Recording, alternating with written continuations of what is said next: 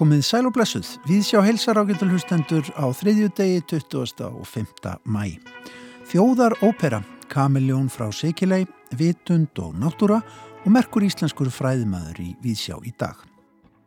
Í þættinum í dag ætlum við meðal annars að fjalla um fræðimannin skáldið og þýðandan Herman Pálsson. En á morgun verða 100 ár liðin frá fæðingu hans. Að því tilefni verður haldið á morgun málþing í Veröldhúsi Vigdísar, helgað Hermanni og sannarlega mikilvægu framlægi hans til norrætna fræða á lungum tíma.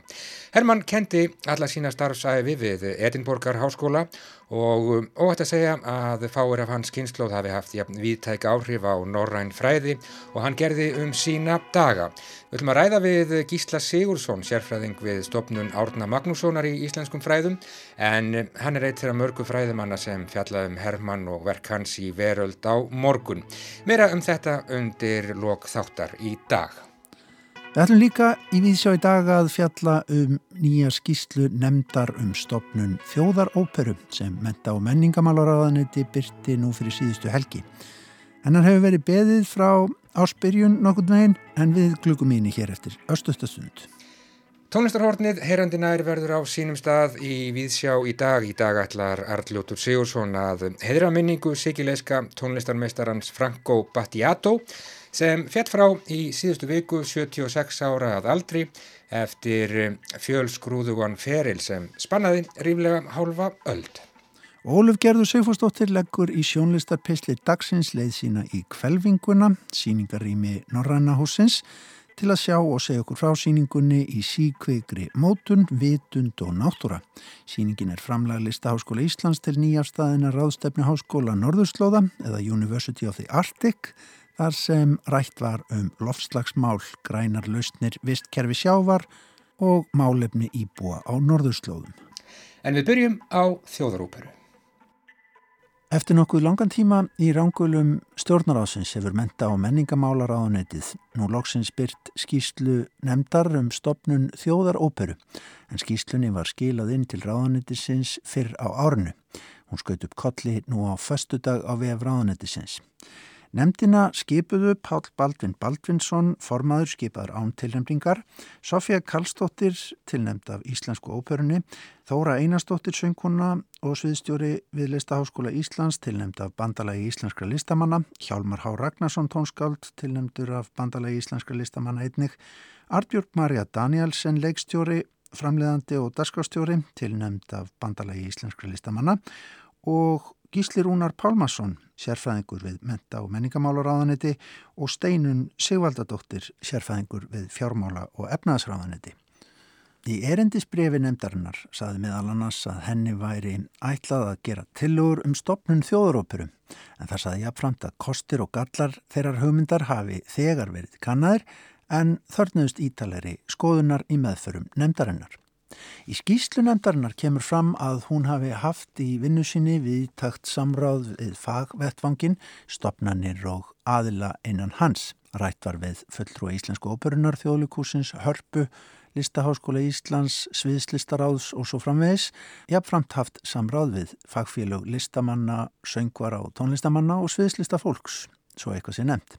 Á fundnefndarinnar voru líka kallaðir fjölmarkir aðilar sem að starfa á sviði tónlistar og sviðslistaflutnings og er þeir tíundaðir af nefndinni í skýslunni.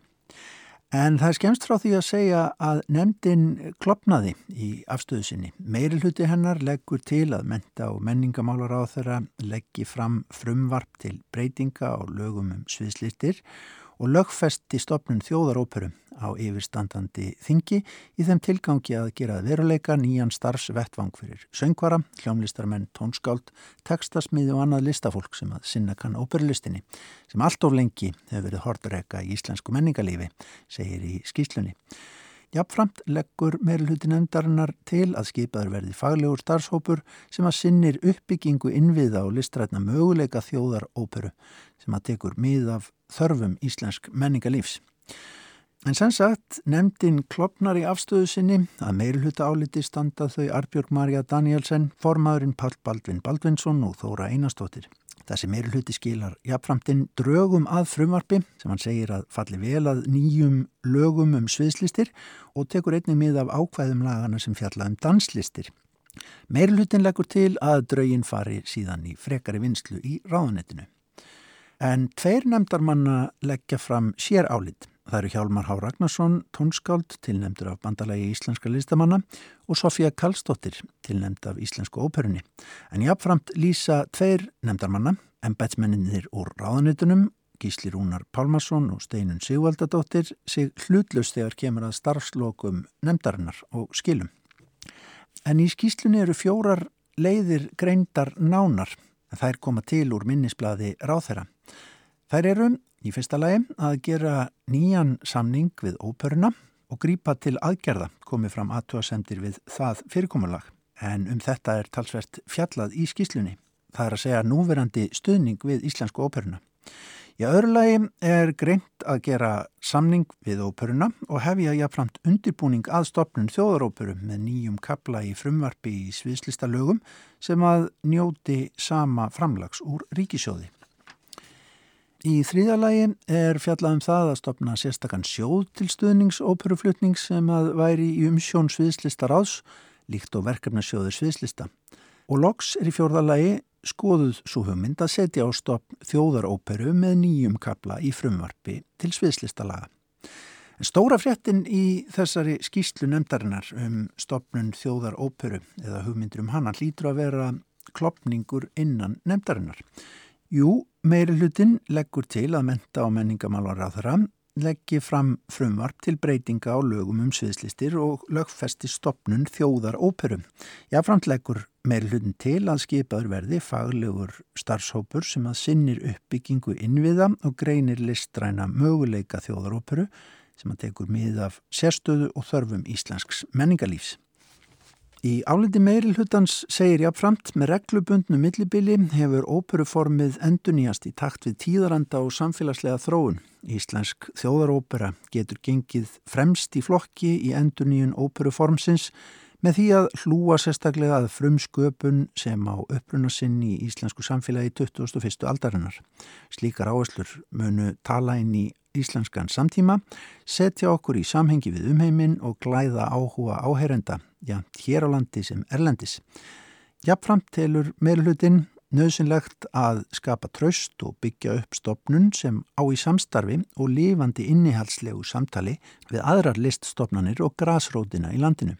Stopnun þjóðarópurum felur ekki aðeins í sér tækifæri til að móta nýjar áherslur á listrænu vettfangi heldur ætti einnig að endurskoða uppbyggingu stopnunarinnar með sveianlegt og fjölsgrúðut menningarlíf landsins alls að útgangspunkti. En þá að áliti minnihlutans, þau Hjálmar og Sofía reykja í sínum tilugum þrjár leiðir sem þau ræða frekar í áliti sínu. Númer eitt er það stopnun nýs óperu flokks samtímis tímabundinni framleggingu á samningi við Íslensku óperuna. Númer tvö er það sjálfstæð ópera og þrjú ríkisrekin ópera. Minnlutin setur í sínu áliti spurningamerki við nótkun orðsins þjóðar óperu. Þar segir meðal annars þjóðar ópera er ópera fyrir fólkið, ópera um fólkið og ópera í samtali við fólkið. Það er ekki rekstrar fyrirkomulæðið að laga bókstafarnir sem búa til þjóðaróperu. Það er innihaldið sem að skiptir máli. Hvað er gert, hvernig það byrtist og hvernig því er tekið. Og áfram segir þar, hugtakið þjóðarópera vekur ímisviðbröð og sérstaklega hjá yngri kynnslóðum ber það með sér yfirbrað þjóðurhembu og yfirlætis. Undirrituð, þar að segja Hjálmar og Sofía, eru meðvituð um mótsagnir sem að hugtakið ber með sér og við viljum því, segja þau, tólka það á sem opnastan hátt og aftengja það frá skýrskotunum til einsleitrar þjóðar sem býr í afgirtu landi. Og jú, víst verðist manni við fyrstu sín að að baki ágreiningnum búi að miklu leiti mismunandi miklar áhegjur af beinum afskiptum ríkisvaldsins af óperustarseminni í landinu. Þetta kemur til dæmis fram í umræðukabla í lókskíslunar. Það sem segir minniluti nefndarinnar telur að nefndin eigi ekki að hafa til liðsjónar minnisbladar á þeirra til ríkistjórnar þar sem frum könnun ráðanettis á mögulegum leiðum er varða óperumenningu á landinu eru dregnar upp. Meiri hluti nefndarinnar telur minnisblæði gefa glöggamynd af þeim raunhæfuleiðum er þegar voru kannadar sem nefndinni beri að skoða ídarlegar og kýst því að styðjast við það í vinnu sinni. Hér er sem sagt tekist á um upplegið að vinnu nefndarinnar, nokkuð merkilegt. Meirilhutin telur að menningarlegt hlutverk stopnunar sem rekin er fyrir almanna fjö þurfi að vera skilgreint með skýrum hætti í lögum. Fyrirmyndir þess efnis má finna í lögum um sviðslistir, til dæmis kapla um þjóðlukus og kapla um íslenska dansflokkin og lögum um sambarilegar stopnarnir á Norðurlöndum og í Evrópu. Meilhutinefndarinnar deilir ekki áhyggjum minnilhutans af ríkisafskiptum og skorti á sveianleika hjá menningarstofnunum á vegum hins ofnbæra. Enda fylgir menta- og menningamálraðanendið grundvallar hugmyndum armslengdar reglunar þegar kemur að samskiptum við listræna stjórnendur stopnana á hennar vegum.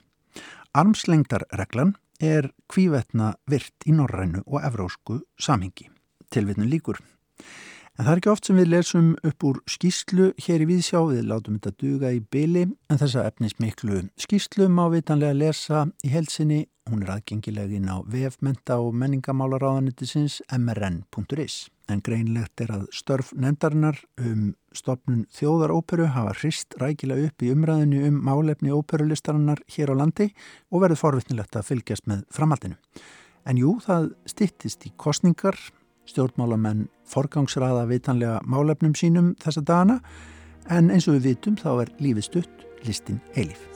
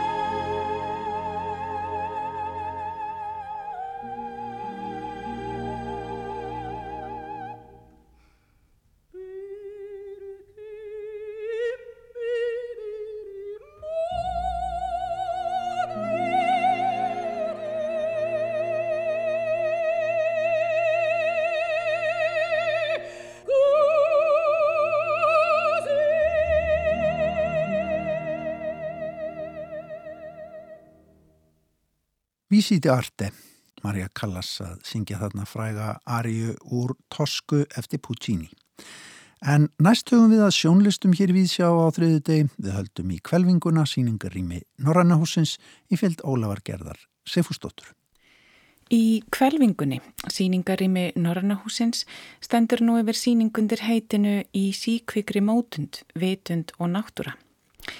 Sýningin er heldur óvinnileg í listaflóru landsins fyrir þær sakir að hún er sett fram sem hluti af ráðstefnudaskrá, stórar alþjóðleira ráðstefnu á vegum University of the Arctic eða Háskóla Norðurslóða sem fór fram í Reykjavík nú á dögunum.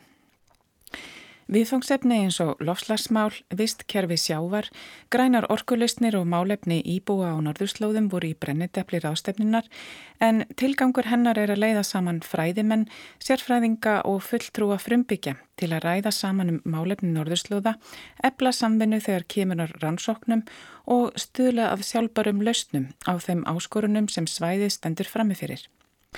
Sýningin er framlag Listaháskóla Íslands til þessara ráðstefnu og státara verkum 11 vest-norræna listamanna frá Danmörku, Færiðjum, Grænlandi og Íslandi. Sýningarstjórar eru þær Hanna Styrmistóttir, profesor við myndlistadeildi Listaháskólans og Hulda Stefánsdóttir, myndlistamæður og sviðstjóri við Listaháskólan, auk þess sem nefendur skólans tóku þátt í gerð sýningarinnar. En hvað hafa listamenn fram að færa í þessu samingi? Hvers konar framlag er listsýning í fræðilegri orðræðu um málefni norðuslóða. Eins og segir í innihalsríkri rafrætni síningaskrá sem finna má á heimasíðu Norröna húsins varpar síningin fram svipmyndum af upplifunum, hugleðingum og rannsóknum listamanna á sviði myndlistar, tónlistar, hönnunar og sviðslista sem búa á hinnum síkvika útjæðri norðursins. Greinam á tvö megin þemu á síningunni, annars vegar verk sem tengjast náttúru og umhverfismálum og hins vegar verk sem fjalla um sjálfsmyndir, hvort sem það eru þjóðarsjálfsmyndir eða engstallingsbundin sjálfsvitund. Þá má sjá glitta í þriðja þemað þótt það sé ekki sérstaklega dreyið fram í innrömmun síningarinnar sem er nýlendusagan sem bindur öll þessi lönd saman og kemur helst fram í verki grænlenska listamannsins Inotek Storch Old Films of the New Tales. Verkið er videoverki sex hlutum þar sem listamæðurinn kannar eigin rætur og menningu gegnum fjölskyldualbum og skoðar tókstrutuna millir ímyndarinnar sem við hinn höfum af Grænlandi og sjálfsmyndar íbúuna sjálfra.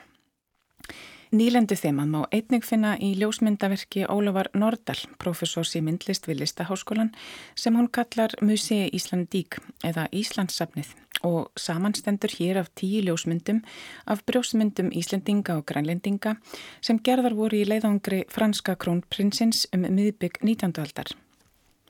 Gaman var að sjá myndirnar af grænlensku afsteipunum í samingi við verk Inotek en þær hafa ekki verið síndar hér á landi áður.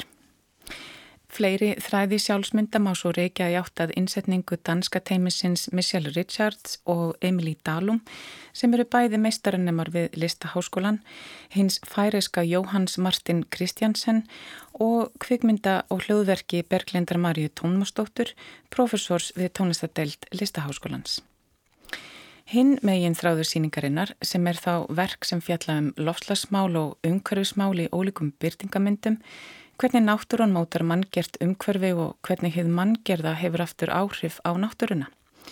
Þetta eru verk eftir Tómas Pás, dósent við Hönunadeild listaháskólans sem vinnur með sandstrendur og eigðingu þeirra mannaveldum í verkinu Making New Land, 40 mínutna videoessaya hennar dönsku Rikki Luther, Concrete Nature, The Planetary Sandbank og verk Tinnu Gunnarsdóttur, profesors við Hönunadild listaháskólans, þar sem hún rannsakar umhverfi híðinsfjörðarins gegnum hönunarferlið.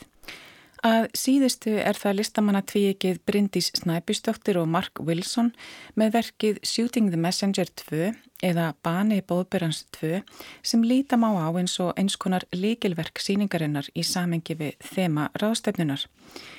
Bryndis og Mark fjalla hér um stöðu Ísbjörna sem koma upp á Íslands strendur í óvelkomnar heimsóknir gegnum tíðina. Þau sína þróun stjórnsíslinnar, lagasetninga, reglugerða og samþykta sem ráða örlugum þessara dýra sem tólkuð eru sem vágestir en er í raun fórnarlömp hækandi sjávarmáls og lofslagsbreytinga af mannavöldum. Í verkinu er sjónarhorn Ísbjörnana sett fram í því markmiði að hvetja áhörfandan til að setja sig í spór dýrana þegar þau komaða landi.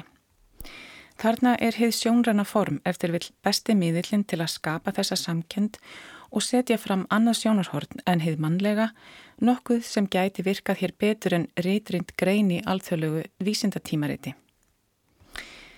Framlag Listaháskólans til umræðanar um málefni norðurslóða í formi þessarar síningar vekur upp spurningar um erindi listana til flókina samfélagslegra og umhverfislegra áskoruna eins og þeirra sem fjalla var um á henni nýjafstöðnur ástöfnu.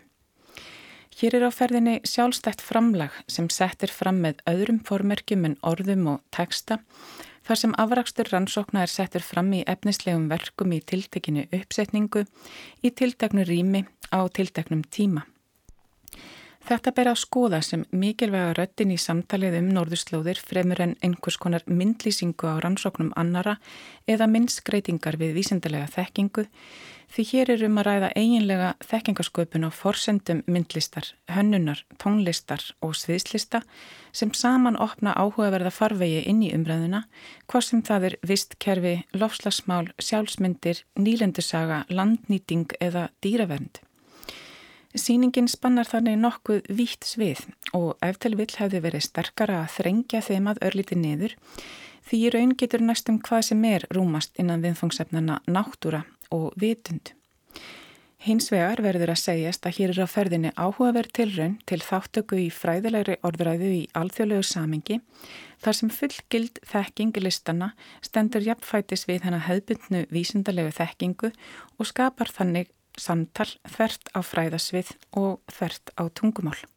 Saði Óluf Gerður Sefurstóttir um síninguna í síkvegri mótun, vitund og náttúra sem nú stendur yfir í kvelvingunni síningar í minn Norrannahúsins. En þá ágetur hlustendur liggur leið okkar til eh, Ítalíu, njánar tiltekki til Sigilegar. Í síðustu viku andaðist sigileiski tónlistamæðurinn Franco Battiato eftir langan feril í tónlistinni. Battiato fættur í mars árið 1945 og um, hann var ekki bara tónlistamæður heldur líka kvikmyndarleikstjóri og málari. Við skulum fara í tónlistarferðalag með Arljóti Sigursinni í tónlistarhorninu Heyrandi nær Og já, við skulum fara beinustu leið til Sigilegar. Ricordami come sono infelice lontano dalle tue leggi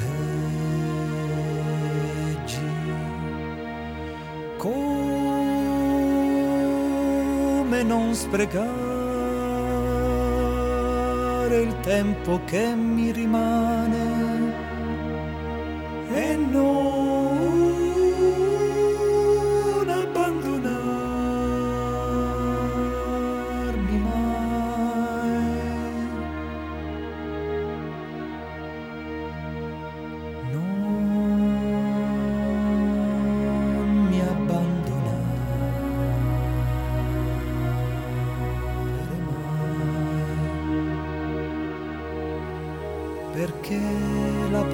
che ho sentito in certi monasteri, o la vibrante intesa di tutti i sensi in festa, sono solo l'ombra della luce.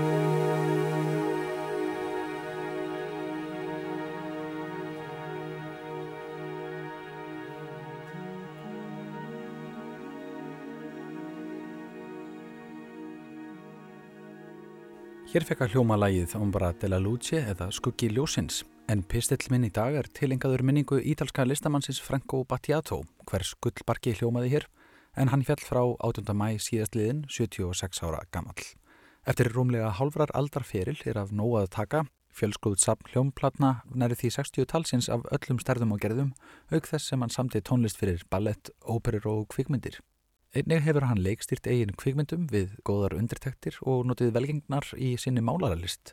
Enga undrun sætir að Ítalir hafa gefið honum gælunafnið Il Maestro en hann er hildur sem þjóðhetja af samlundum sínum sem nú ríkir yfir þjóðarsorg eftir fráfall meistarans. Ómulött er að gera honum skil í stuttum pistli en vel þess virði að láta á það reyna. Við heyrum brota fyrstu soloplötu hans Fetus koncertplötu um fóstur frá árunnu 1971, frumulega lægið una cellula.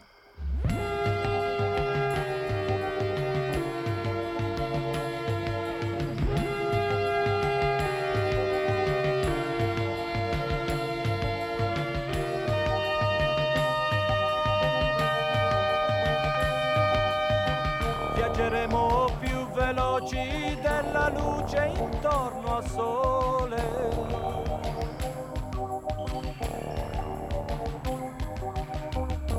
macchine del tempo contro il tempo che non vuole. Sarò una cellula fra motori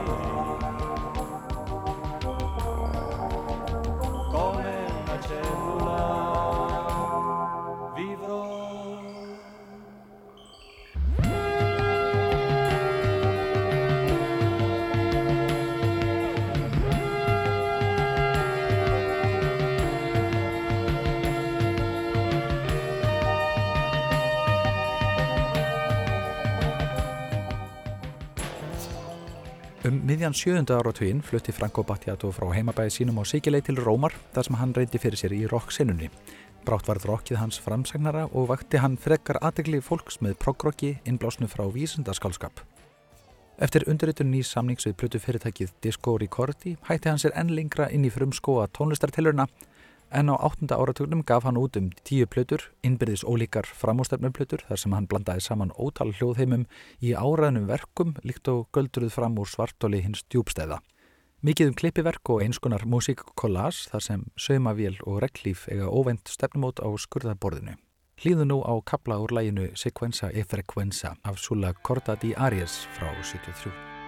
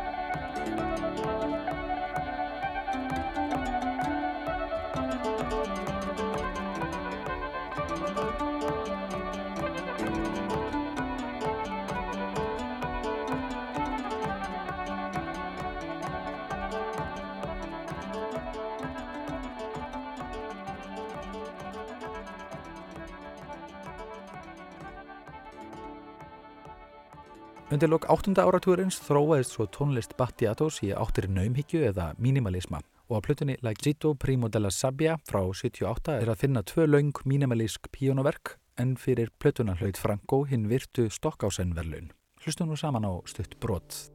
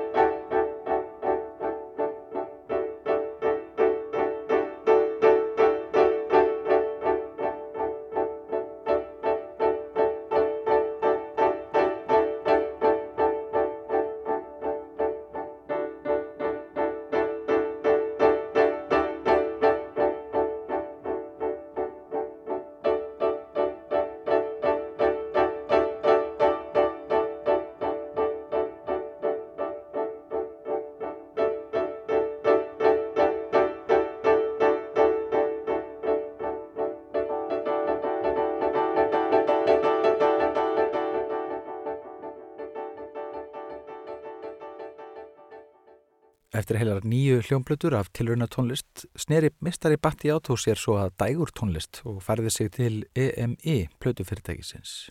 Hjá þeim árið 1981 gaf hann svo út popmeistararstykkið Il Voce del Padrone. Fyrsta platan á Ítalju til að seljast í yfir miljón indökum og Il Maestro nú víður sem popkeisari í sínu heimareiki. Við hirð hans voru einvala hljóðfæraleikarar þar á meðal þrælflingi fiðlusnillíkurinn Giusto Pio sem greinilega hafði mikið að segja í útsetningum á plötunni og veitti henni blæ síkildrar tónlistar. Einlæg söngurut Battiato ferjaði svo til áherenda efnisríka tekstana í gljáfægðum og hillandi sönglugum þar sem uppátækja sæmin var þó aldrei langt undan. Heyra nú lægið Gliucelli eða Fuglarnir af plötunni Il Voce del Patrone frá 81.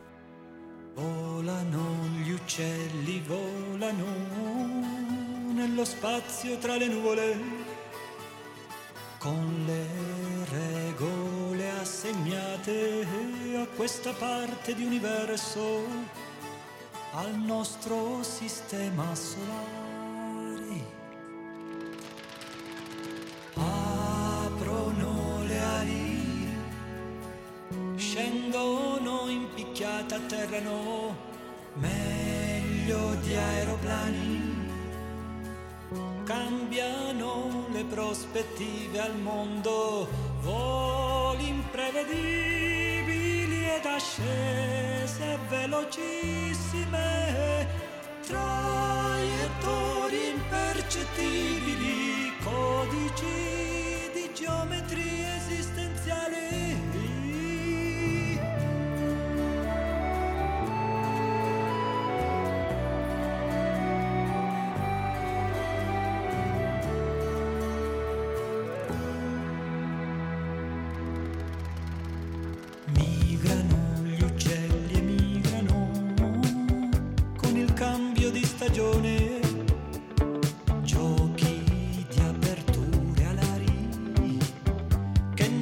nascondono segreti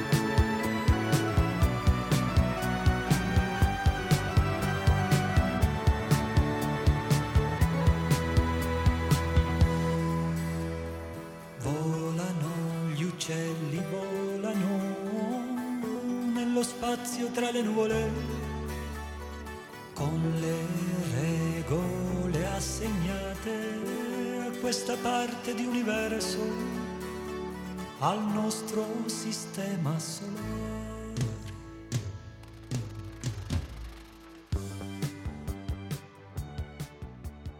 Á stóru þarf að stikla til að draga prófílinn af því sem eftir fór.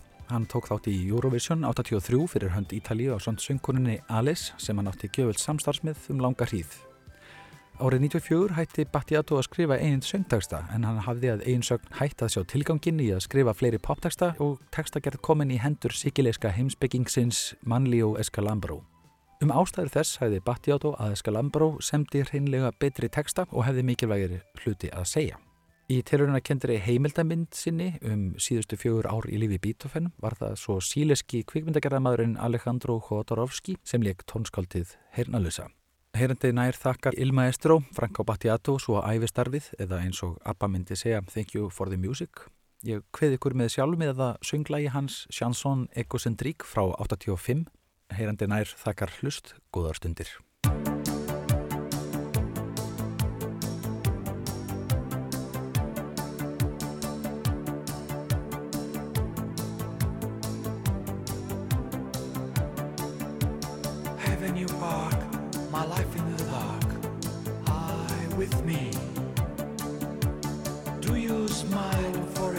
Style? I like it. Miami Beach Boys, children with eyes across the universe. Chanson egocentric, self-centered song. Chanson egocentric, self-centered song. Já, ítalski tónlistamæðurinn Franco Battiato, Francesco Battiato frá Sigilei. Hann andaðist í síðustu viku eftir langan feril 76 ára að aldri. Kom sannlega víða við á þessum langa ferli meðal annars í Eurovision. Það var Arljóttur Sigursson sem sagði frá í tónlistarhorninu Heyrandi nær og við heyrum aftur í Arljóti hér í Víðsjá í næstu viku. En frá Sigilei höldum við til Edinborgar eða kannski bara öllu heldur vestur í bæ. Og það að gefnu tilefni. Á morgun þá verða 100 ár liðin frá fæðingu Hermanns Pálssonar, doktors Hermanns Pálssonar sem var já, mikil virkur á sviði norrætna fræða áratugum saman, var nú alla sína starfsæfi í Edinborg við háskólan þar, byrjaði að kenna bara held í árið 1950 og já, kom viða við á sínum langa ferli, Elju maður Mikil Hermann og hann skrifaði Auðvitað um Íslendingasögur, fornaldasögur, fornkvæði og ekki síst lagða nú stund á þýðingar. Það verður haldið málþing út í veröld húsi Vigdísar á morgun af þessu tilefni. Tilefni af aldar minningu Hermanns og þar koma fram held ég einir 11 fræðimenn sem ætla að já, nálgast þetta höfundarverk Hermanns út frá ymsum sjónarhornum. Eitt þeirra er Gísli Sigursson, hann er sérfræðingur hér á Árnastofnun og hingað er ég komin. Gísli, eh, þetta er mikið verk sem að Hermann skildi eftir sig. Get ég spurt þig svona um svona, hvað ég segja, bara hans helstu viðfangsefni og, og svona, já, hvers slags fræðimar var Hermann frá hvaða sjónarhóli skoðaði hann, skoðaði hann verkin?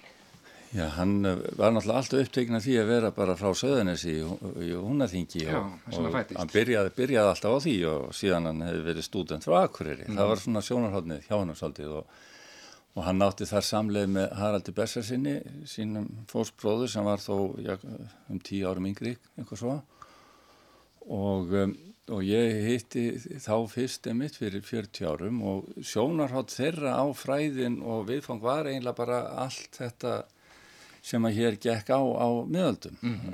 All textagerðin og mannlífið á bakvið og samtími rítunarinnar og minningin um þessa fortíð sem við kallum vikingaöld og landnámsöld og allt í kringum það.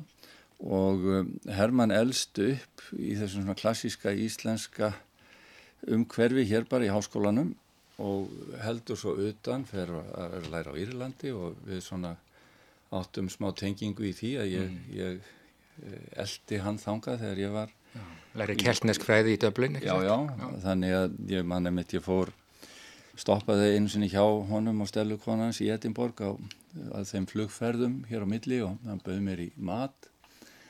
Og ég var svona að gera hann grein fyrir námsmarkmiðu mínum og ég man svona hvaðan einhvern veginn, hann var svona þreytur í framann að þetta var alveg sama og hann hafði ætlað að gera sko, svona, hérna, hann fannst ekki mikið nýmæli í því sem ég hafði í huga, svolítið fyndið. Og en hann var, hann náði aldrei svona þessum áhuga á stafkrókonum sem voru kannski einkennandi á átnarsafni í Kaupmannahöfn og, og svo hér hjá okkur á átnastofnun hann var flög miklu hærra og víðar og mátti ekki alveg vera að þessum svona sparatíningi sem að, sem að fælst í því að vita nákvæmlega hvernig hvert orð er stafsett og hvernar og hvernig stafirnir er rólíkir og allt það mm -hmm. og sem er auðvitað mikilvægt og fórsenda alls að maður geti haldið eitthvað áfram þannig að og þessar utanferðir hans og kjensla í Edinborg og, og hann kemst ekki að hér við háskólan það verður til þess að hann fær svolítið aðra sín að þetta og alþjóðlegri og hann setur uh, það sem hann elst upp við að sé bara sér íslenskt og hérna eitthvað sem að hún vetningar hafi kannski fundið upp á þingverum mm -hmm.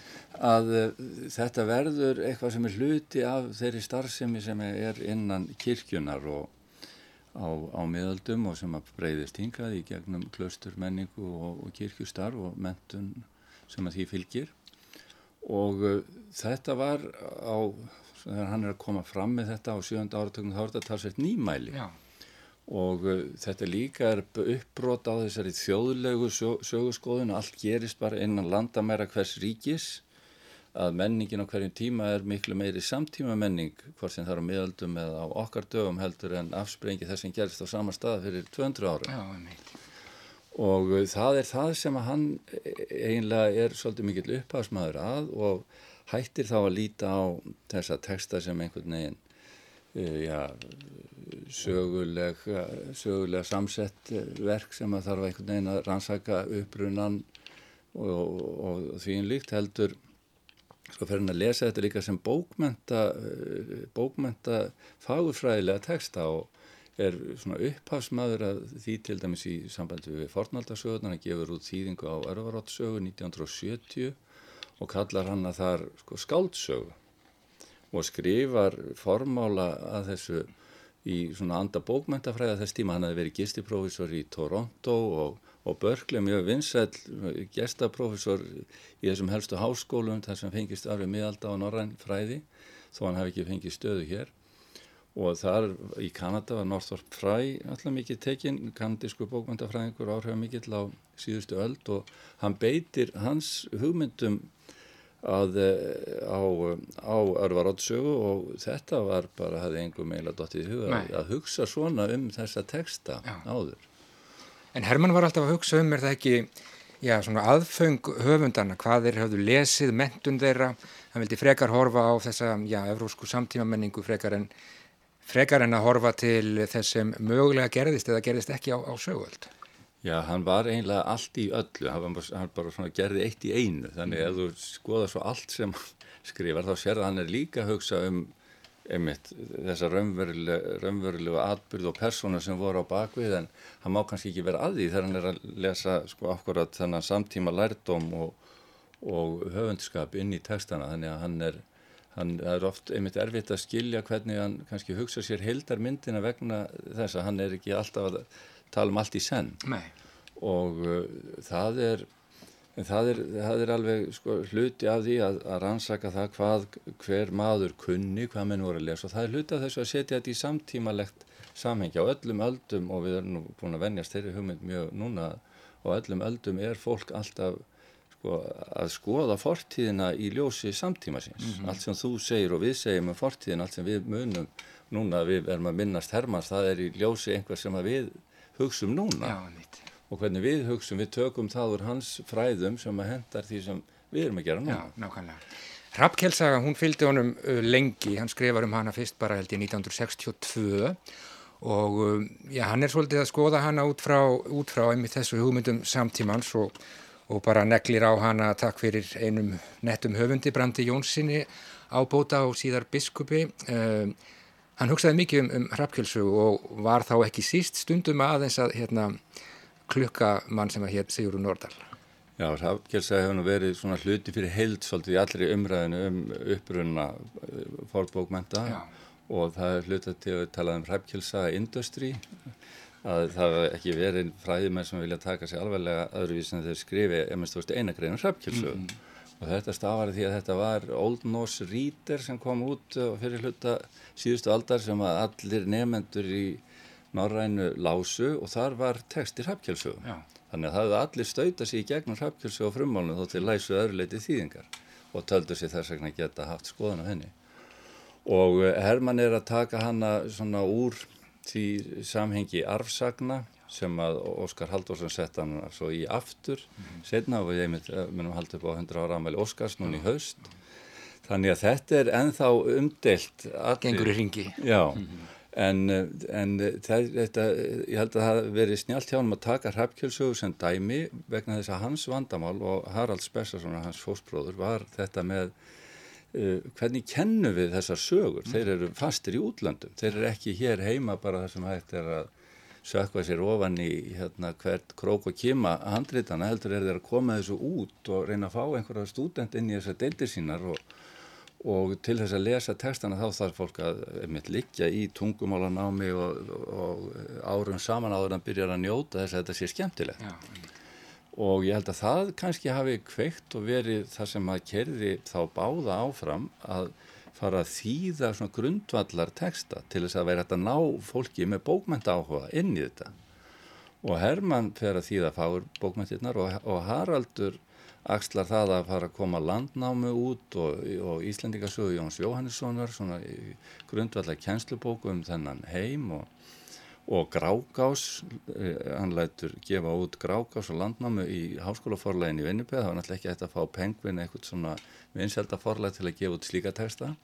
En þetta var ja, mikilvægt einmitt til þess að styrkja undirstöður kennslu í þessum fræðum út um mhm. allan heim. Og, og ég held að við sjáum að uppskera því núna að þetta er orðið eh, svona útbreytt háskólafag og fólk kemur að því úr ólíkum áttum og ekki bara bókmyndamenn, lögfræðingar og samfélagsfræðingar Já. og mannfræðingar hafa aðgang að þessum sagnaheimi í gegnum þessar miklu þýðingar sem fóru þannig að stað og örðu vinsælar. Já, þeir þýða þarna njálu um, Herman og Magnús Magnússon sem var smaðurinn frægi já, já. og hún kemur bara út í Penguin Classics takk fyrir 1960 og þá er hún bara komin komin á bekk með Homer og Shakespeare og Dostoyevski þetta skiptir máli. Já, já, sem okkur finnst það sjálfsögðu bara eðlilegt. Hennar eðlilegi staður og í hverki annar staðar heima. Þannig að það er það er hérna og svo held þetta bara áfram komum fleiri sögur emitt í þessari Penguin Classics röðinni. Mm -hmm. og þetta líka síðan mótar held ég fræðistarf Hermanns mjög mikið þessi þýðingar vinna Já. að maður þekkir það að maður lendir í því að, að, að, að kenna þessa texta útlendingum og það þurfa að lesa þá með þeirra augum og þurfa að þýða hvert eina storm ég renni bara ekki í gegnum þá svona eins og sett móðumál og þá áttum við að sjá því að sögum orðin eru kannski svolítið snúnari heldur en maður held mm. fyrirfram okay. og þetta uh, rakst Herman greinlega rækila á og varð fyrir vikið svona, hann lísti því skemmtilega hann læsi orðabækur Já. bara byrjaði á A og hjælt svo áfram mm -hmm og þetta er nú ekki margir sem ég hef hitt sem að lesa þetta sem skemmti ritt en eh, með þessu svakala minni sem hann hafði þá fekk hann svo mikla yfirsýn inn í alla texta og orða, forða þeirra. Og það held ég leiðir hann út í þessa hugmyndapælingar og tengslinn og venslinn við, við aðra meðalda texta sem að verður svo hérna, einhvern veginn svona tema í hans fræðistörun það er orðabókarlesturinn og þessi nákvæma sín sem að verður að hafa á merkingu textana með, með þýðingarstarfinu. Nákvæmlega og mér skilst að Herman hafi já, bara verið orðin læs, takk fyrir 30 ára gammal og Torfi H. Túlinius hann skrifar uh, skemmtilega grein í nýjasta andvara þar sem hann já, bara rekur feril Hermans og bregður líka upp svipmynd af manninum sjálfum og þetta verðist að verið mjög skemmtilegur maður og ekkert verið neitt selga leðilt að vera í, í sömu stofu og hann. Það var alltaf skemmtilegt. Ég hérna, hitt hann fyrst einmitt þarna í vinnipeður, hann var þar á fyrirlestraferð og fannst það merkilegt að hann fekk sér viskisjús á hann að hjælt fyrirlestur. Ég hef aldrei kynst í að, að, að menn gerði það og hann var svona aldrei ánægð með þetta og sagði að þetta komið sér í stöð með þessu og Svo var ég með þeim á eftir, honum og Harald, þegar hún og hvorum sig, hérna, þurftu við aldrei að halda orðinu og, og skemta þeim sem í kringu það voru. Og þeir fóru að rifja einmitt upp ráðstöfnu sem þeir fóru á í, í Berkeley, í, í hérna, SAS félagin í Amríku 1968 og, og það sem þeim fannst skemmtilegast frá þeirri ráðstöfnu var þegar þeir voru að skrópa og, og fara inn í San Francisco og hýpa slóðurnar þar og hérna, skemmta sér og eh, sagðu frá þessu ríkulega og, og, um, og Herman var líka mjög eh, sko, skemmtilegur í eh, sko, þegar hann kom á hjælt fyrirlestra það flyktist hér fólk, gamli vinnrans og skólasískinn komu alltaf til að hlusta á hann og ég man það á söðvestur Írlandi þar sem ég var að þælast með kennara mínum Bú Almqvist þegar ég var í náminu þar að þá hitti ég gamalt fólk sem hafi verið þar þegar Hermann var student mm -hmm. að læra írsku, þetta var írsku mælandi svæði og þau myndu enþá vel eftir honum og ekki þó samt fyrir þetta hvað var skemmtilegur að segja frá eða við duglegur að læra írsku heldur hann var svo góður að móka hei þannig að það fannst þeim alveg frábært að það fengið svona student frá diblinni sem að var afbörðamaður í heimókstin. Já, nákvæmlega. Herman hafði gaman af uh, sagna skemmtun og já, skrifaðu þetta bók sem að hétt og heitir sagna skemmtun Íslendinga en uh, Gísli, þú ætlar að taka til máls í veröld á morgun og ég er búin að sjá titilinn á þínu erindi Summer of Love um upphaf fornsagna þinga um, er einhver galsýður? Nei, er, þetta, er, hérna, þetta er sprottið af þessari sagnalist þeirra Haralds og, og Hermans. Ég held að það sé þráður hann á milli mm -hmm. sem ég mun upplýsa. Já, meirum það síðar. Meirum það síðar, já. Ég, en þetta er samt, þetta tengist því að þeir voru á ráðstefnu þannig í Börklei mm og það sem að fólk er að ræða eh, norræn fræði í svona alþjóðleira samhengi og, og Herman er að koma frá Toronto þar sem hann hefði verið profesor og ég held að það sé frelsis og jafnbryttist þráðurinn sem að mm -hmm. hann síðan spinnur áfram þegar hann kemur heim til Edinborgar. Já, þú ertu búin að gera alla forvétna bara í lokingísli svona, ef þú myndir leggja bara kallt mat á það, um, hvert er svona að uh, þínu viti uh, merkasta framlag Hermanns Pálssonar til, til Norratna Freyða?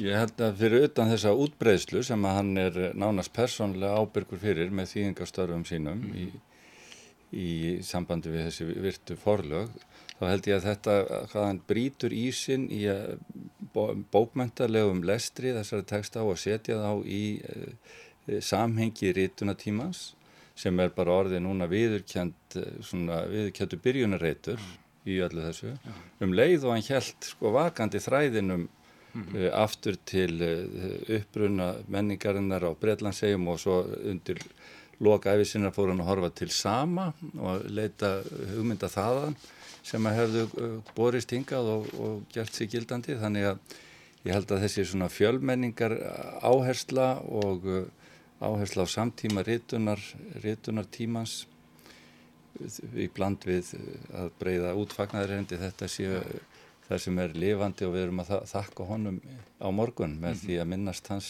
vonandi fallega viðsitt maður Herman og um, já alltaf gaman að lesa hann, hann er, hann er skýr og hann er, hann er einhvern veginn frjáls en um, aldarminning Hermans Pálssonar í Veröld, húsi Vigdísar á morgun, ákamlega 100 ár liðin á morgun, þann 20. og 7. mæ frá því að doktor Herman Pálsson fættist á Söðanessi, á Ásum, í Húnavatsingi. Gísli Sigursson, takk fyrir spjallið og það verður gaman að heyra meira af þessu. Takk fyrir. Já, nákvæmlega 100 ár á morgunliðin frá fæðingu Hermanns Pálssonar. Það er stofnun Árna Magnússonar í Íslenskum fræðum og Íslensku og menningarteild Háskóla Íslands sem að standa að málþinginu um Hermann Pálsson í veröld á morgun. Þetta hefst allt saman klukkan 16, klukkan 4 á morgun og þar taka held ég einir 11 fræðimenn til máls og Nálgast æfistarf Hermanns og um, mikilvægt framlag hans til norrætna fræða frá ýmsum sjónarhornum. Þeirra meðal eru Guðrún Nordal, Torfi H. Túlenius, Viesteinn Ólason og um, Ármann Jakobsson svo einhverjir séu nefndir. Hermann Pálsson andaðist þann 11. ágúst árið 2002. Svona ljúkum við viðsjá í dag, viðsjá hér aftur á sínum stað á sínum tímanlaust eftir klukkan fjögur á morgun á getur hlustendur. Takk fyrir samfélgin í dag á þessum solríka degi hér sunnalands að minnstakosti. Verðið sæl.